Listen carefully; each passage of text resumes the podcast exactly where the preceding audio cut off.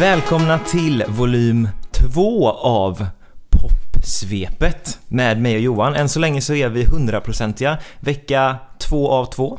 Ja, Det är fantastiskt. alltså det här track recordet så, så kommer vi kunna hålla på hela, hela året. Då är det vi som toppar alla listor överallt nu helt plötsligt. Åh, alltså podd, poddlistan på poddmaskinen. Exakt. Det är vi det. Ja. Vi är i alla fall tillbaka även den här veckan Jajamän. Hundraprocentiga som sagt. för att snacka lite musik, musikbransch och annat kul. Ja men lite trender, lite eh, musikstreamtjänsternas pris och lite annat trevligt. Ja, Mm. men vi tänkte vi skulle börja lite grann med dig. För Med mig. Allt fokus på mig. Åh vad på mig. tacksam jag blir. Tack så mycket. det är ju nämligen så här att vår, min, min ärade kollega Mm. eh, släpper musik under eh, artistnamnet Astian. Ja. Eh, och har släppt en ny singel i fredags som heter Lowest. Eh, helt plötsligt så du började släppa två singlar på, på Svenska. svenska. och sen bara nej, nu kör jag tillbaka till min... Ja, det var så tråkigt. Nej, alltså det, det var ju extremt eh, stor uppmärksamhet kring de svenska och det är jag ju jättetacksam för och det kommer jag fortsätta med. Det är inga konstigheter.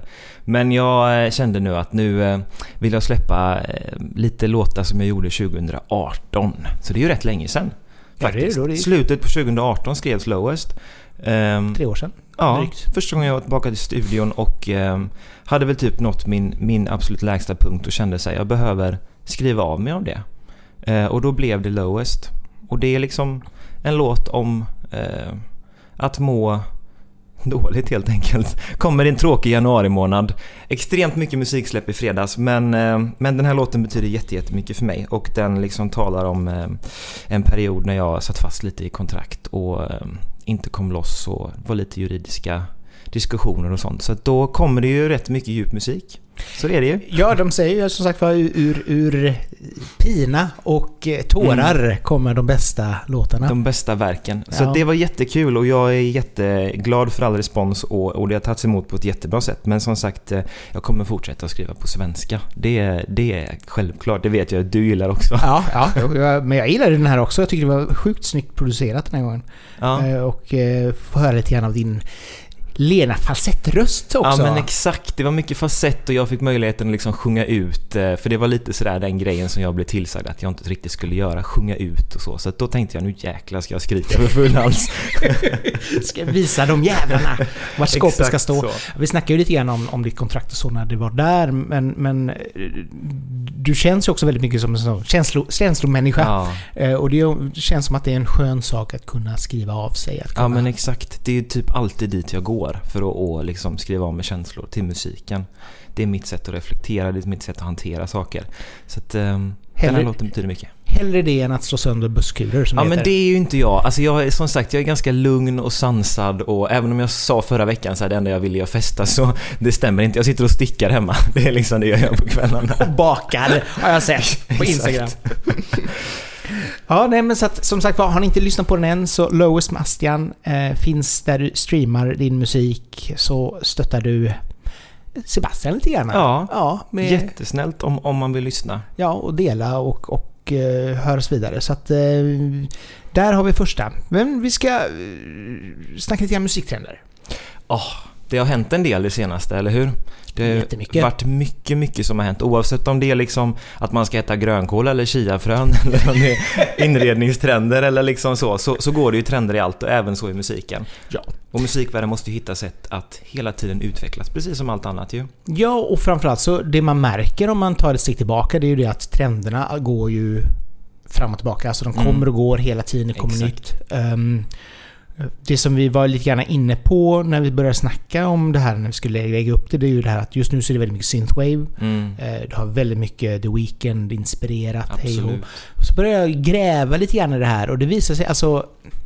Det är ju en, egentligen någonting som har pågått sedan i början på 10-talet. Mm. Alltså filmen Drive var, var ju lite grann startskott Mm. för detta. Eh, Real Hero den singeln. Eh, och sedan då när Stranger Things-soundtracket kom Mm. och den serien med my- mycket synthwave och det här Exakt. 80-tals John Carpenter-inspirerade. Ja. Eh, och, men nu känns det ju som de senaste åren så har mer och mer blivit just synt, syntbaserat. Det är jättemycket och, och framförallt precis som du nämner The Weeknds nya album är ju extremt inspirerat av det. Det är ju liksom, men det påminner om Roger Waters album som också var väldigt så här, en radioröst som gick igenom hela albumet. Nu kommer jag inte ihåg vad det heter. Ja men heter det så här radio? Ja, det kanske heter någonting. radio någonting. Ja. Men, men det var extremt påminnande om, om det som han gjorde nu. Eh, men eh, jag, jag som inte har upplevt synthwaven då, nu återkommer vi till det här att jag är lite yngre. jag tycker ju att det är jättefräckt. Eh, och eh, jätteballt att lyssna på. Det, det blir ju någonting nytt. Men, men precis som med trender så, så, så är man ju också duktig på att hitta det här lilla och sen tweaka det så att det känns nytt och fräscht. Och det är det man har gjort tycker jag. Jo, nej, men absolut, Radio Chaos heter det. Men, Ja. ju, men just det här att, att eh, som sagt, det låter mer 80-tal nu än vad det gjorde på 80-talet. Mm, Framförallt för att man har tekniken idag. Mm. För att göra det så att det blir... Jag kan tänka mig att det som görs idag är så som man ville att det skulle låta på 80-talet. ja, exakt. Eh, för där var man ändå begränsad i ljudbilden som, som syntarna och så. De, Mm. man, det var ju pionjärer som lyckades liksom med sina syntar och trummaskiner skapa Ja, ljud. ja. Vilket man nu bara kan hämta. Mm. Idag är det ju väldigt mycket mer tillgängligt med Ja, ljudkatalog. ja. Men, men det gör ju också att det var, det var liksom så här... det- är spännande att se hur det har utvecklat sig liksom. Från, från eh, ja, det, det analoga syntarna från 70-talet och lite mer digitalt och på Mm. 80-talet. Och nu då när det verkligen är hur mycket som helst. Ja men det är ju nästan så att det blir, alltså precis som alla trender, att så här, det övergår i nästan mainstream och då är det inte intressant längre. Så att frågan är ju hur länge det håller i sig och när det liksom tippar över till något annat. Man vet ju att när... Jag säga, när Crazy Frog kommer med The Weeknd-låtar, då vet man att då är det, Då är det riktigt vidare. mainstream. då är det utdött. Men sen har vi liksom även discovågen som jag tycker kom väldigt lämpligt någonstans eh, ja, men inom den stora populärmusiken då med Dua Lipas album. Liksom. Mm. Den kom väldigt lägligt i tid. Vi befann oss i början av en pandemi och discon som är väldigt positiv liksom och eh, väldigt glädjefylld. Eh, det landade väldigt rätt. Och sen har det också fortsatt. Det är så mycket disco så att det är... Ja, och disco är ju verkligen en, en, en sån genre som... Alltså det är ju typ femårscyklar Mm. känns det som numera. Att det, liksom, det kommer Ja, hela tiden någon, någon som gör något disco. Alltså Mm, Agnes var ju väldigt mycket disco på 00-talet Ja, liksom. Till exempel. Och nu är hon disco, eller fortfarande disco, Ja. men, men på något sätt så är hon ju ännu mer rätt i tiden Ja, nu känns det som. Verkligen. Och sen minns jag när jag var mindre, då kom ju Madonna med sitt eh, discoalbum också där ju. Eh, On the dance, Ja, Confession of a Dance Floor. Mm. fantastiskt album. Mm. Men det var ju också liksom... Mm. Ja, inte nyskapade men hon, hon, någonstans så lyckades hon ju fånga upp Ja. trenden som var... Som blev. ja men exakt, och det är väl det. Alltså, jag funderar ibland på vem är det som sitter och analyserar så här, men nu, nu ser vi att det går åt det hållet och då ska vi liksom också mata musiken åt det hållet liksom på något sätt. Jag tror inte det är någon egentligen som... Som gör det. Alltså det är så svårt att, att Mm. känna av. Ja, För jag menar, det, det bara blir. Helt plötsligt så blir det en hit. Ja. Och, och då var det precis det här som... Man var rätt i tiden. Rätt i det var tid, precis det här som folk var öppna för. mm. Och då bara, okej, nu, nu är det det här vi ska, vi ska köra. ja Liksom. men typ tillfälligheter liksom då som man kanske pratar om. Att det är, som du säger, rätt i tid. Jo men så, så är det ju absolut. Alltså skivbranschen är ju... Eh, väldigt... De, de försöker ju hela tiden hitta liksom det senaste, den Mm. nya trenden. Mm. Men samtidigt så, så hittar de någonting som funkar så tror de att allting som låter så kommer att funka. Exakt. Vilket inte heller gör. Nej. Och det är där någonstans jag pratar, den här övergången, skarven är liksom, den är hårfin ibland liksom, Mm. var, var linjen går. Ja, Mm. för jag menar det är klart att helt plötsligt så kan... Jag menar när... Madonna är, har ju gjort en hel del saker som har varit lite tvivelaktiga efter Confession Mm. of a Dance Floor kan man ju säga. Sen har du ju eh, U2 som skulle, skulle jobba med Timberland. Ja, det. Eh, och det skrotades ju helt. Mm. Framförallt då för att, ja, helt plötsligt så var det så otroligt fel. Eller när de släppte popalbumet. Som, när det, när det kom, Mm. 97, 96, 97 någonstans. Så var det liksom, det lät så otroligt mycket U2 och Mm. otroligt mycket då, den dagen. Alltså det var verkligen så här typ, släpptes i april så lät det april det året. Ja. Och sen var det borta, för det, sen lät det daterat. Ja. Så att man kan, man kan liksom här, man kan, göra, man kan hoppa på, på den här trenden i helt fel tid och, och det, man faller helt av liksom. Helt pladask. Ja. Det är liksom framstupa och så rakt ner i asfalten liksom. Exakt så. Nej men lite så. så att det, men samtidigt så, här så kan det vara intressant att se vart vi, vart vi går härifrån. Ja men exakt, det, och det tänker jag på också. Alltså man ser, det känns som att 00-talets ungdomar har hittat sitt sätt att uttrycka sig nu. De som lyssnade på så här Blink-182, Avril, nu ska vi se, jag kan aldrig säga hennes efternamn. Lev, Avril Levin, Levin. Vad är det, hur är det hon uttalas Johan? Lavin, Lavange kanske? Ja. Jag kan inte. Ja, Avril säger vi. Ja, vi säger Avril direkt så. Och, och, och liksom Green Day och så. Hela den vågen har ju verkligen kommit tillbaka. Vi ser ju den här... Du gillar ju inte ordet poppunk, det vet jag ju. Men tyvärr, det gör ju en liten comeback. Det är många artister som väljer det spåret nu ju. Jo, och det är väl också... Det är, det är ju alltid... All, alla trender får ju en motreaktion, en Mm. mottrend. Mm. Alltså har du den polerande syntpoppen Mm. som ändå är väldigt polerad. Det är klart att kom, då ska det ju komma den här poppunken. Det är lite, det är lite skränigare, lite mer organiskt. Ja, Det blir lite mer trummor, lite mer gitarrer. Eh, och det är klart att den... It, it was destined to happen Ja, liksom. du kände det på dig. Nej men det, alltså, det, så, så är det ju alltid. Det är ju inte, det är inte för inte som grungen blev, kom när den kom liksom. Också efter den här polerande soulpoppen som var i början på 90-talet Mm. och sen kom grunge. Alltså, så att allting, allting får ju en backlash på något sätt. Eh, sen tyckte jag väl att hela den här Blink-182-grejen var jättetråkig. Ja. Men då fanns det så mycket annat bra musik man kunde lyssna på istället. Men det, men det är mycket, jag tycker det är rätt bra musik. Vi ser också svenska artister som vi, vi har ju bland annat pratat med både Rys och, och eh, Peg Parnevik som Mm. släppte musik som är åt det hållet förra året och säger det också att de vill gå åt det hållet eh, och utforska det soundet mer.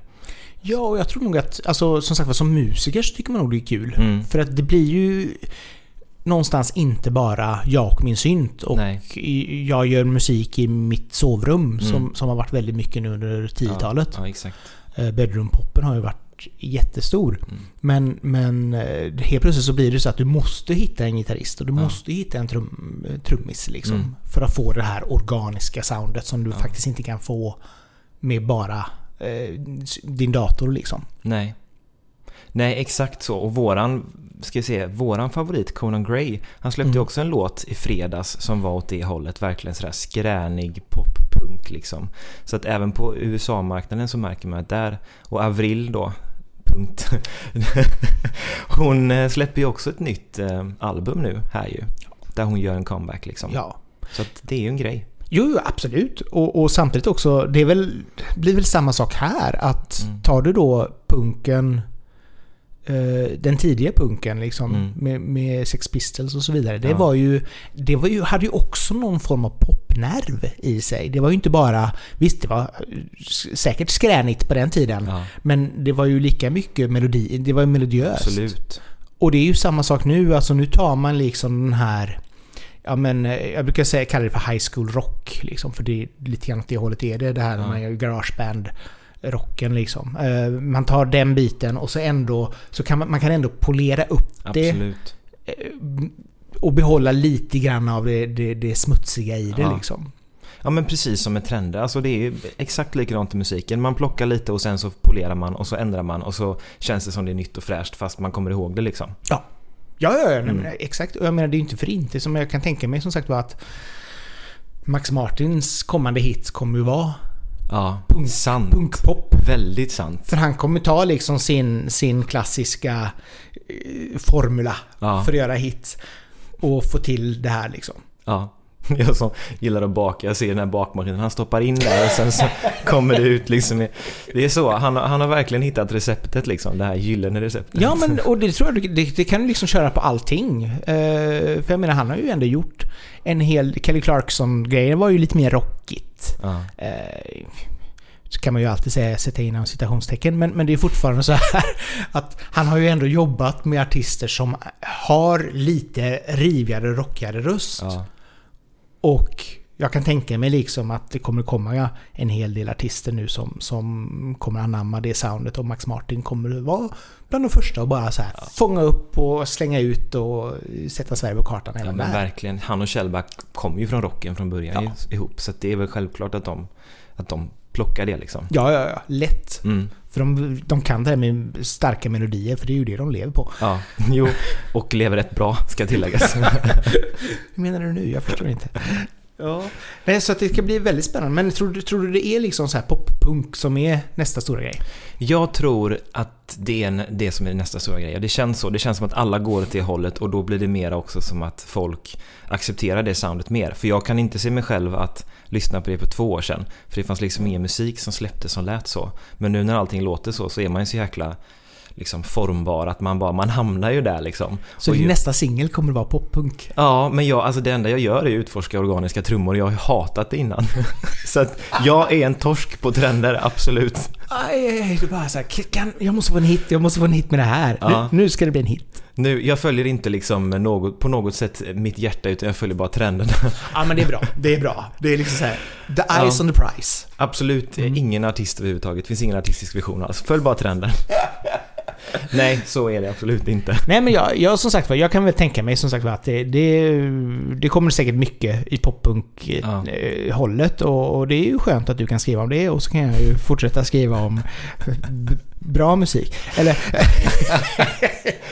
Vi säger så. Tror du att det kommer till svenskan då, poppunk? Att man... Absolut, ja. absolut. Det, det har ju även ändå funnits en, en hel del under åren, men det har väl inte riktigt slått igenom jättebra. Eh, så. Men, men det är klart att det kommer till att komma mm.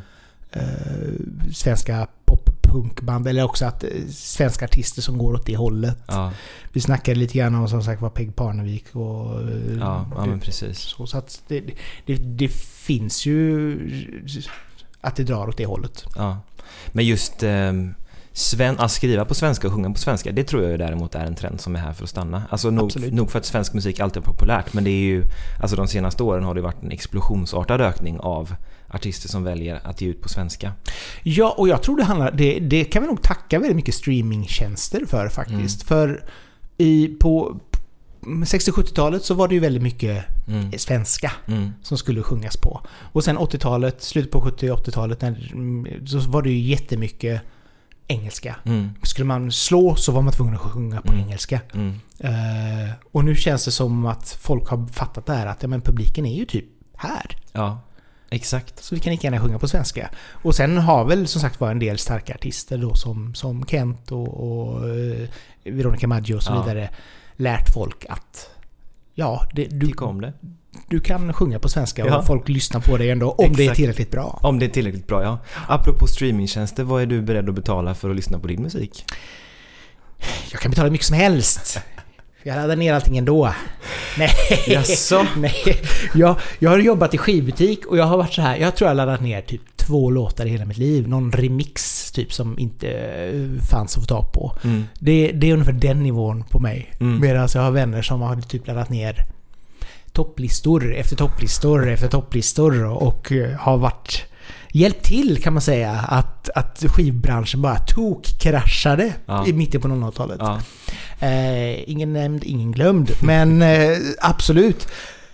Jag, ty jag, tycker... Jag skulle säga 140, 149. Mm. Eh, skulle jag, säga. jag skrev ett litet, eh, litet inlägg om detta i bloggen i veckan. Om priser på streamingtjänster. Och jag känner väl att Spotify kostar 99 kronor mer eller mindre ja. sedan det började. Ja. Eh, det är de nu senaste två åren tror jag det är som man har höjt till 109. Mm. Men det är fortfarande väldigt, väldigt billigt för Absolut. så mycket man får. Mm. Samtidigt ska det också sägas att förr i tiden eh, när CD-skivan fanns så var det ju snittet ungefär att man köpte två, mellan två och tre skivor per år. Ja. Vilket inte är priset av streamingtjänst idag. Så att man lägger mer pengar på streamingtjänster mm. Med, i, idag än vad man gjorde på fysisk musik Exakt. då. Och det är nog ingen som tänker på det överhuvudtaget. Nej, och, och framförallt, det är ju det är inte för inte som, som Universals VD i USA kan lyfta liksom ett x antal hundra miljoner Nej. dollar eh, för att det går så jävla bra för skivbolagen. Mm. De har liksom så här havs i stålbad, de har inga människor kvar, de tar inga risker, de Nej. gör ingenting. De bara säger så här, det, enda de är liksom en PR-maskin och så har de någon, någon direktlinje till Spotify så att de får sin Ja. låt högst upp på spellistan och så bara hoff! Varsågoda. Och vem förlorar någonstans känns det som? Det är ju i slutändan... Alltså vad betalar vi för en låt? 0,03 öre till artisten? Är det ja, inte så? så här, per stream är det ju Ja. så här, no, ja. Alltså när man pratar Spotify. Mm. Och någonstans, precis som du säger, det är, det är billigt. Men det är ju ännu billigare för artisten att, att ha sin musik där. Alltså man får ju ingenting för det, så sett. Nej, alltså det är artisten som... Framförallt då den osignade artisten kan Mm. man väl säga. Eller ja, det är väl samma sak med den signade i och för sig också. Men just det här att man får inte så jättemycket pengar. Samtidigt så var det inte så många artister som blev stora för heller. Nej. Så det är inte så att... Det är, det är ändå ganska få artister som Ja, kan leva på att vara musiker. absolut. Och så ska det väl egentligen vara om man ska hårdra det. Ja. Men jag tror nog att kollar du på streamingtjänsterna så, så tycker jag väl att höjer de till säg 129 och sedan då till 149 Mm. och säger liksom att men vi kommer till att med detta kommer vi kunna ge mer pengar till en bredare publik eller bredare Exakt. artisteri liksom. Och kanske betala liksom upphovspersonerna lite mer och låtskrivare och så vidare. Ja. Eh, då tror jag nog att folk hade köpt det ganska, ganska Ja, enkelt. men jag tror de hade köpt det rakt av faktiskt. För det, alltså argumentet som ligger bakom är ändå förståeligt. Mm. Alltså, och folk vet ju att, att musikbranschen är en bransch där man sliter hårt för att tjäna ganska lite oftast ju. Liksom. Ja, det är liksom så här, du ska ut på, på turné och så får du en, en back öl och dela Ja. på i logen. Liksom. Ska vara glad om du får ett gage överhuvudtaget. Men jag kan tycka att, alltså, precis som du pratar om, den katalogen och det utbud som finns på Spotify är ju... Alltså jag kan ju sitta och lyssna på musik i timmar medan ibland på Netflix då, nu höjer de ju också sitt pris. Ja. Att jag, där sitter jag och scrollar så här, åh nej det här såg inte så spännande ut, nej det här såg inte så bra ut. Och, och då tycker jag inte att man likställer underhållningen som är på Netflix med musik. Alltså då känns det som att musik är mer underprioriterat. Om Netflix ska kosta mer och jag sitter där och sådär, ja jag kollar väl på något gammalt istället. Medan Spotify, där upptäcker jag ju allt möjligt nytt och spännande.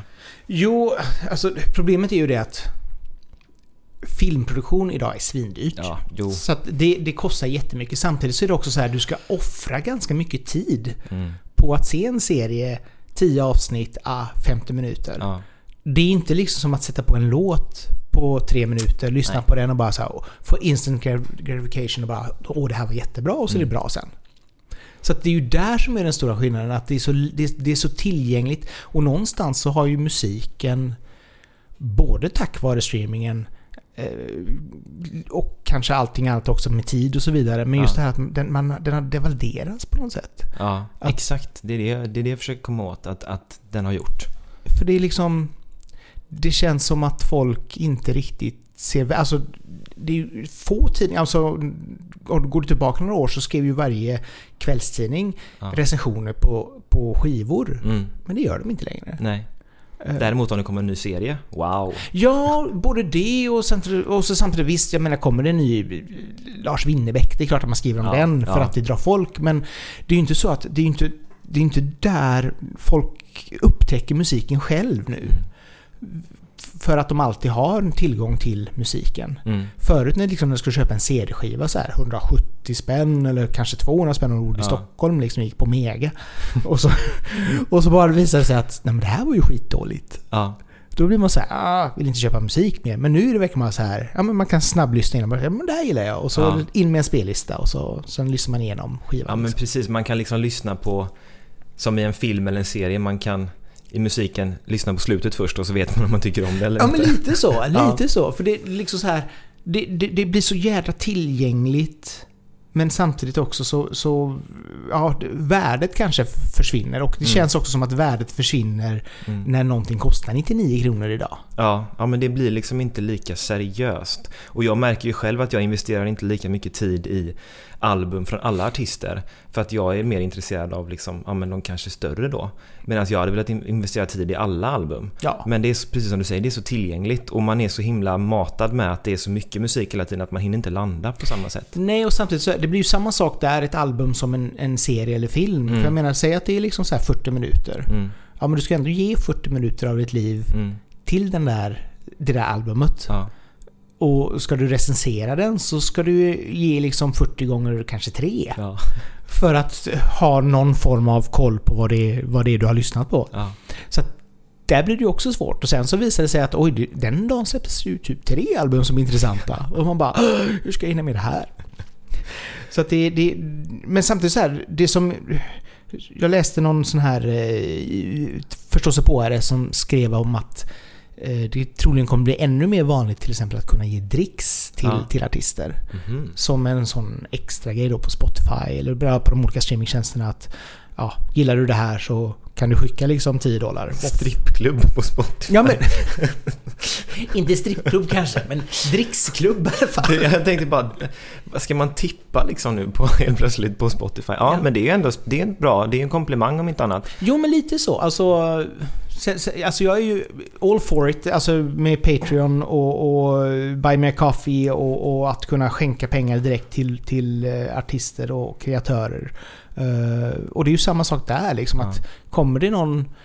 Sen kanske inte Per Gessle som behöver det. Nej, det, är det jag tänker. Det kan ju bli missgynnsamt om inte annat. Ja, men, men jag menar kommer, kommer det någon mindre artist som har släppt ett album Mm. Jag menar, före, det kan jag göra nu också i och för sig, att är det någon artist som jag känner oh det här var bra, då kan jag faktiskt gå in på iTunes och köpa albumet. Ja, Även om jag inte kommer lyssna på albumet i de fysiska spåren, Nej, utan jag precis. kommer fortfarande streama det på Apple Music. ja, Men någonstans har man ändå liksom så här gett artisten lite pengar. ja. Och jag tror att så kan nog, kan nog fler kanske tänka. Att man kan också göra så. Det är Alltså- faktiskt en väldigt smart eh, lösning. Men jag kommer ju som sagt fortsätta köra i, i bilen då med mina CD-skivor. så det, det kommer du inte undan liksom.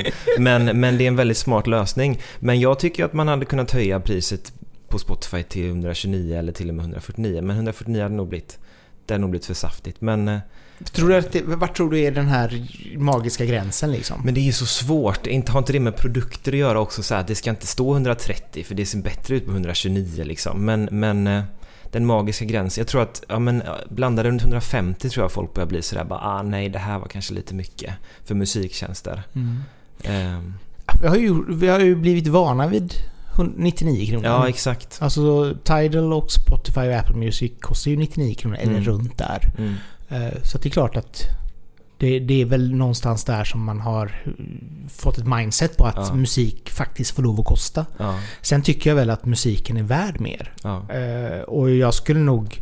Jag skulle inte gråta om, om streamingtjänsten kostade 149. nej. För jag hade villigt betalat det. Eh, Men samtidigt så, så är det väl kanske inte... Ja, jag, jag är kanske inte normen för vad folk tycker. Du menar att vi är partiska för musik i den här podden? Nej men liksom så här, jag, jag, jag har alltid tyckt att man ska betala för sig. Jag har liksom jobbat med fysisk media Ja, länge. Så att jag Ja. menar, jag köper mina DVD-filmer och jag Ja. köpte musiken och så vidare. Så att jag har ju alltid lärt mig det. Eh, sen så har väl branschen kan man väl kanske skita i egentligen. Mm. Den har väl inte gjort så mycket så att man kan bara känna att ja, men jag kan ladda ner den ändå. Men nu har jag inte gjort det. Men jag tycker ändå liksom att att 149, jag skulle nog säga så här, hade, hade det kommit upp till 129 ja, så hade jag inte... Då tror jag inte heller så många hade lyft på ögonbrynen. nej precis. Det är nog en ganska bra start. Jag tänker, vad, vad diskuteras till övrigt? Det är liksom dieselpriser och det är elpriser och det, Ja. det höjs ju överallt. Ja, och samtidigt också så här, det går ju inte att ha samma prisbild på en produkt Nej. hur länge som helst. Alltså någonstans så måste man också... Alltså i Spotifys fall så visst, de tjänar ju asmycket pengar. Det är inte så att det går någon, någon nöd på cheferna på Spotify. Nej, det tror jag inte. Men, men det är ju fortfarande det här att jag tror att folk vill gärna att artisterna ska få mer. Ja, Och då kanske det kan vara skönt att veta det. Att ja, men om jag betalar 129 så kan Mm. även Astian få, wow. få, få nå- några ören mer för en stream. Ja, ja men exakt. Eh, och sen så tror jag, alltså det här, nu är det vi som kommer med förslag här, men, men eh, det hade nog varit ganska lämpligt att göra typ nu också i pandemin, att folk har förståelse för att det har varit svårt också för artister mm. någonstans. Så att, eh. Jo, och samtidigt också så här så är det liksom så här det, det, det som jag tycker har varit fint med Spotify, den har någonstans lärt svenska folket i första hand mm. att allting inte är gratis. Mm. För det var väldigt mycket så på 00-talet att finns det på nätet så är det gratis och ja. ni får skylla er själva om ni lägger upp det där. Uh, fast det var ju oftast inte de som la upp det utan det var ju någon annan som läckte ut det. Uh, men samtidigt så det, det, har, men det har någonstans fått folk att faktiskt ha, förstå nätet. Att man kan betala på nätet och att, att det finns någon form av kostnad bakom allting. Ja. Och det är ju samma sak med, och det har ju gjort liksom att folk är bättre på att betala för Netflix eller de kan mm. stötta då via, om man då har Patreon eller vad det nu må vara. Ja, liksom, eller ge, ge lite bonus till, till artister och så vidare. Så att jag tror att det, på det sättet så har väl streaming varit viktigt. Mm att man har fått upp ögonen för att ja, men det får lov att kosta lite grann. Ja. Det har nog gjort, eller det, det, har gjort mycket för musiken tänker jag också, att det är lättillgängligt. Alltså det finns ju, det är ju både liksom positiva och negativa e-, egenskaper med det, men det är ju lättare att konsumera musik idag och det är ju positivt känns det som, än att här gå och köpa en skiva. Sen är det klart, jag saknar väl det också, för det är kul med något fysiskt i handen, men det gör ju att fler konsumerar musik när det är så lättillgängligt liksom. Jo, men så är det ju. Och samtidigt också nu då med tar du då eh, olika sociala plattformar där musiken är kopplad. Mm. Alltså Instagram har ju då att man kan lägga in eh, musik. Ja. Så, länge, så länge inte Moderaterna använder musiken så är det okej. Okay. men, men just det här då att man kan lägga in eh, låtar i sina stories. Eh, ja. Eh, och någonstans har det blivit så här, det ihop, är ihopkopplat på ett helt annat sätt. Ja. Vilket också gör att musiken någonstans blivit ännu mer tillgänglig än att det bara var liksom några förståsigpåare på Aftonbladet ja, som exakt. bara tyckte att musiken var bra. Idag blir det nästan som att man recenseras av de som delar på stories och sånt. Liksom. Ja, men lite så. Och lägger upp grejer på olika typ sociala plattformar som liksom Instagram och, och TikTok och, och annat. Liksom. Ja, nej, det, det är ju det som är roligt kan jag tänka mig också. För någonstans så kommer man ju som artist mycket närmare publiken. publik. Absolut. Det blir en helt annan typ av liksom connection och där man får en bekräftelse och man får liksom... Det behöver inte vara en recensent som säger utan det är viktigare vad du som lyssnar faktiskt på musiken och liksom att du säger det till mig än att någon recenserar min låt som också recensera 20 andra låtar samma dag. Jo, nej men absolut. Och sedan så tror jag nog det betyder mer för dig som artist om ja. faktiskt dina fans hör av sig och bara Oj, vad älskar din nya låt. Ja. Medans en recensent bara tycker att ja men det här var väl okej, okay, men eh, jag har hört mycket bättre. Det låter inte som det här som jag tycker är fantastiskt. Det låter inte som Bruce Springsteen. Nej, eh, men recensenter, det, är, det finns mycket positivt och negativt. ja, det kan man... Nu är ju alltså det är väl också det som är skönt. Vi ska, vi ska, vi ska rappa ihop här nu ja. för det, är typ, det har gått 30 minuter. Men eh, det är också det som är skönt med blogg någonstans. För, för blogg är inte så det, det, ska inte vara... Det ska mer vara tipsande och känner ja. jag, mer än det här att man ska tala om för folk vad de ska lyssna på och ja. inte lyssna på. Varför de inte ska lyssna ja. på det här. För jag tycker det är så tråkigt. Jag är här för att lyfta och liksom bara, mm. bara visa att det finns mycket musik där ute. Sen är det kul att, att, lyssna på ett album och recensera och komma med lite åsikter och sånt. Men i första hand så är vi här för att lyfta andra som gör musik. Ja, mm. och det är väl det som är det fina med bloggen. Liksom på det sättet att man, ja. man hittar godbitarna. Det är ju inte så att man går igenom ett, en plus-recensionerna på restaurangen när man ska ut och äta och bara Åh den här ska vara dålig! Dit går jag, det är bra! Det har varit en spännande ändå liksom att vända på det hela. och bara skriva dåligt. Det här är skitdåligt. Då måste vi gå dit. Ja, det är kanske någon som tycker om det.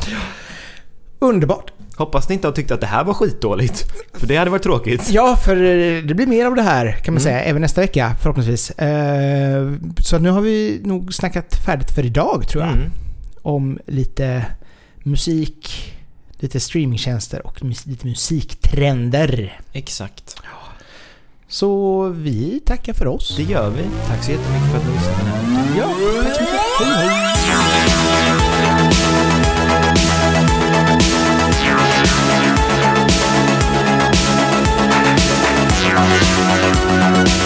We'll be right back.